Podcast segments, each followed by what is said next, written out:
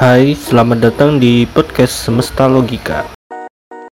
Ini merupakan media alternatif dan progresif yang menjelajahi bagaimana pengetahuan dan pengalaman seseorang dibentuk dan dibagikan. Pada kali ini, kami akan memaparkan hasil diskusi buku online terhadap buku Feminisme Islam dan Islam Feminis yang diadakan oleh Front Santri melawan kekerasan seksual. Selamat mendengarkan.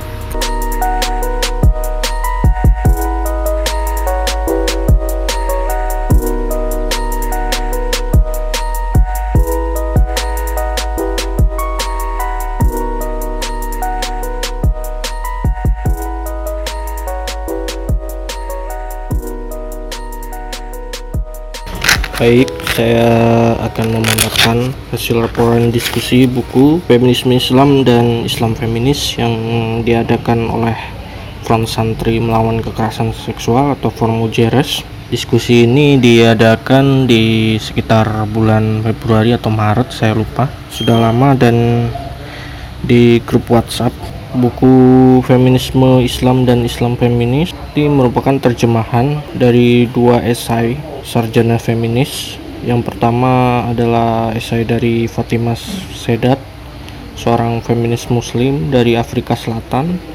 Sedangkan esai kedua dari Anna King, yakni feminis dari Inggris dan dia alma maternya University of Winchester. Buku ini diterjemahkan ke bahasa Indonesia oleh Dika Marsendi dan diterbitkan oleh Pustaka Osiris sebuah penerbit swakolola yang berlokasi di Sleman, Jogja.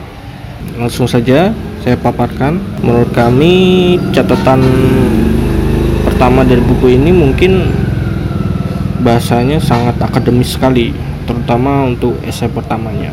Dan entah kenapa esai kedua lebih ringan bahasanya dari yang pertama bagi pembaca-pembaca yang masih awam dengan bahasa akademisi kami sarankan untuk membaca esai kedua terlebih dahulu yang ditulis oleh anak King. Kemudian kami mendapati bahwa tidak ada nama-nama sarjana feminis yang berasal dari Indonesia yang disebutkan dalam buku ini. Padahal kita tahu bahwa Indonesia merupakan negara yang memiliki jumlah muslim terbesar di Indonesia.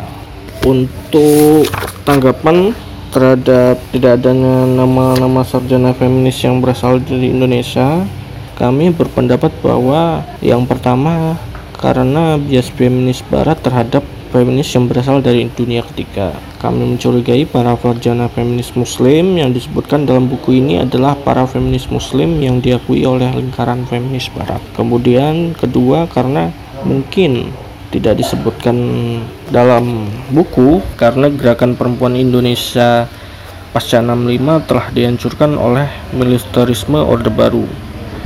Kita tahu bagaimana Orde Baru menghancurkan gerakan perempuan dengan membubarkan salah satu organisasi perempuan terprogresif dan terbesar di Indonesia saat itu yaitu Gerakan Wanita Indonesia atau Gerwani. Orde Baru juga memburu dan menangkap seluruh anggotanya. Hal ini mengakibatkan tidak terlahirnya seorang sarjana feminis nasional meskipun kita tahu bahwa Gerwani adalah gerakan sekuler. Gerwani itu gerakan sekuler dan bukan gerakan feminis muslim. Yang ketiga mungkin karena Indonesia masih terlalu sekuler karena tidak adanya gerakan politisasi Islam yang berhasil dan mengubah Indonesia menjadi negara Islam. Namun bukan berarti sejak Republik Indonesia berdiri, gerakan Islam politik tidak ada. Kita tahu ada Partai Masyumi yang terkenal sebagai partai muslim. Lalu ada gerakan Darul Islam yang dipimpin oleh SM Kartosuwiryo yang ingin mendirikan negara Islam Indonesia. Lalu berdasarkan laporan dari The Guardian yang baru-baru ini terbit, Muhammad Nasir, tokoh berpengaruh di Masyumi, menjadi agen utama Islam politik di Indonesia pasca Masyumi. Pasca Masyumi, Muhammad Nasir tidak membangun Islam politik di level elit, tetapi ia membangun Islam politik di level akar rumput dengan sokongan donor dari Arab Saudi selama puluhan tahun. Kemudian, meskipun Indonesia terlihat seperti negara sekuler, kekerasan seksual yang dilegitimasi oleh agama masih banyak dipraktekkan. Contohnya pernikahan anak dan mutilasi alat kelamin. Lalu dalam sejarah disebutkan juga Orde Baru pada awalnya tidak menggandeng kelompok Islam, bahkan cenderung merepresi mereka.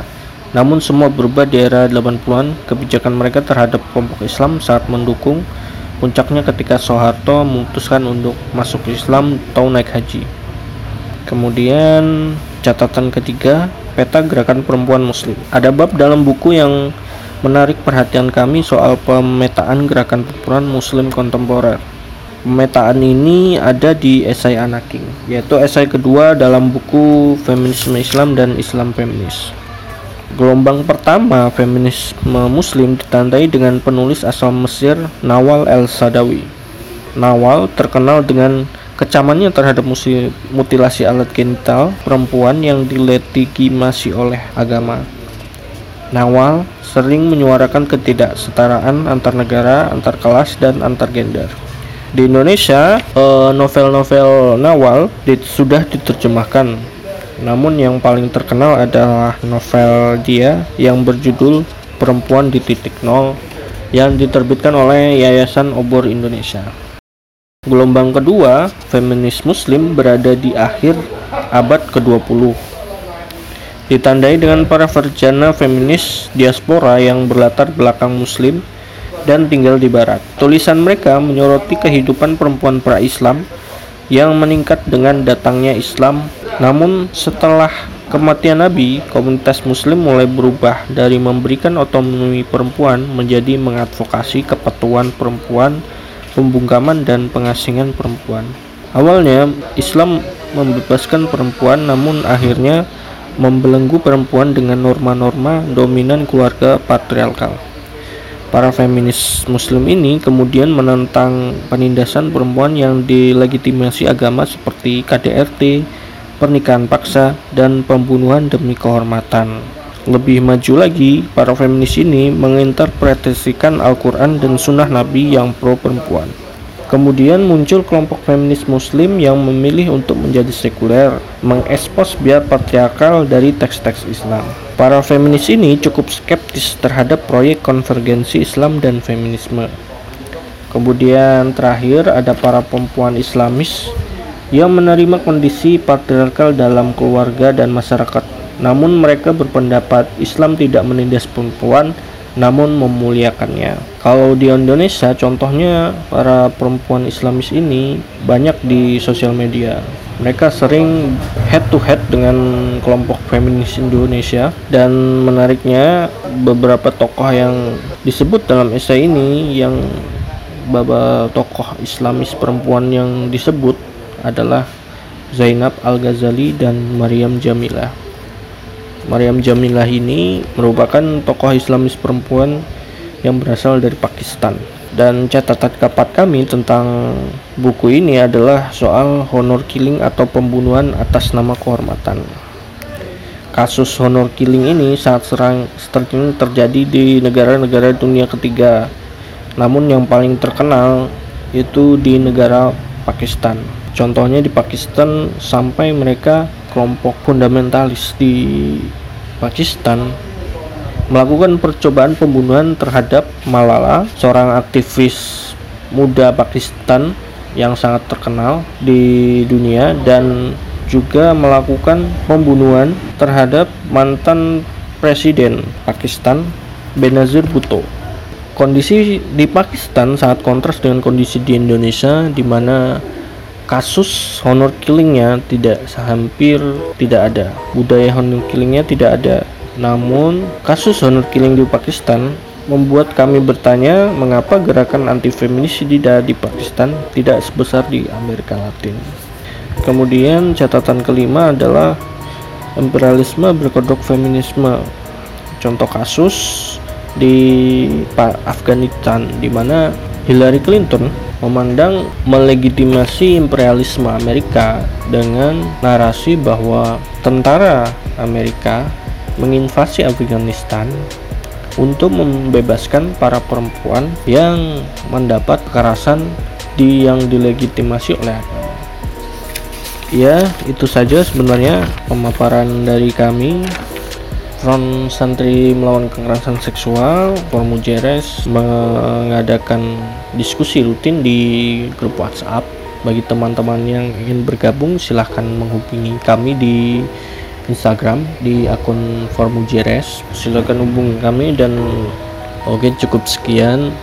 Wabila taufik wal hidayah. Wassalamualaikum warahmatullahi wabarakatuh.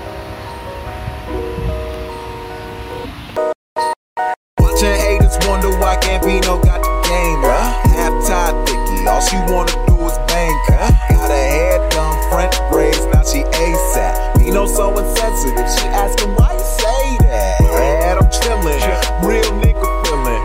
Rich kid asshole, paint me as a villain. Still spittin' that cash flow. DJ Khaled, I got penthouse on both coasts. PH balance, real nigga I rep those. Why though? Cause I said so.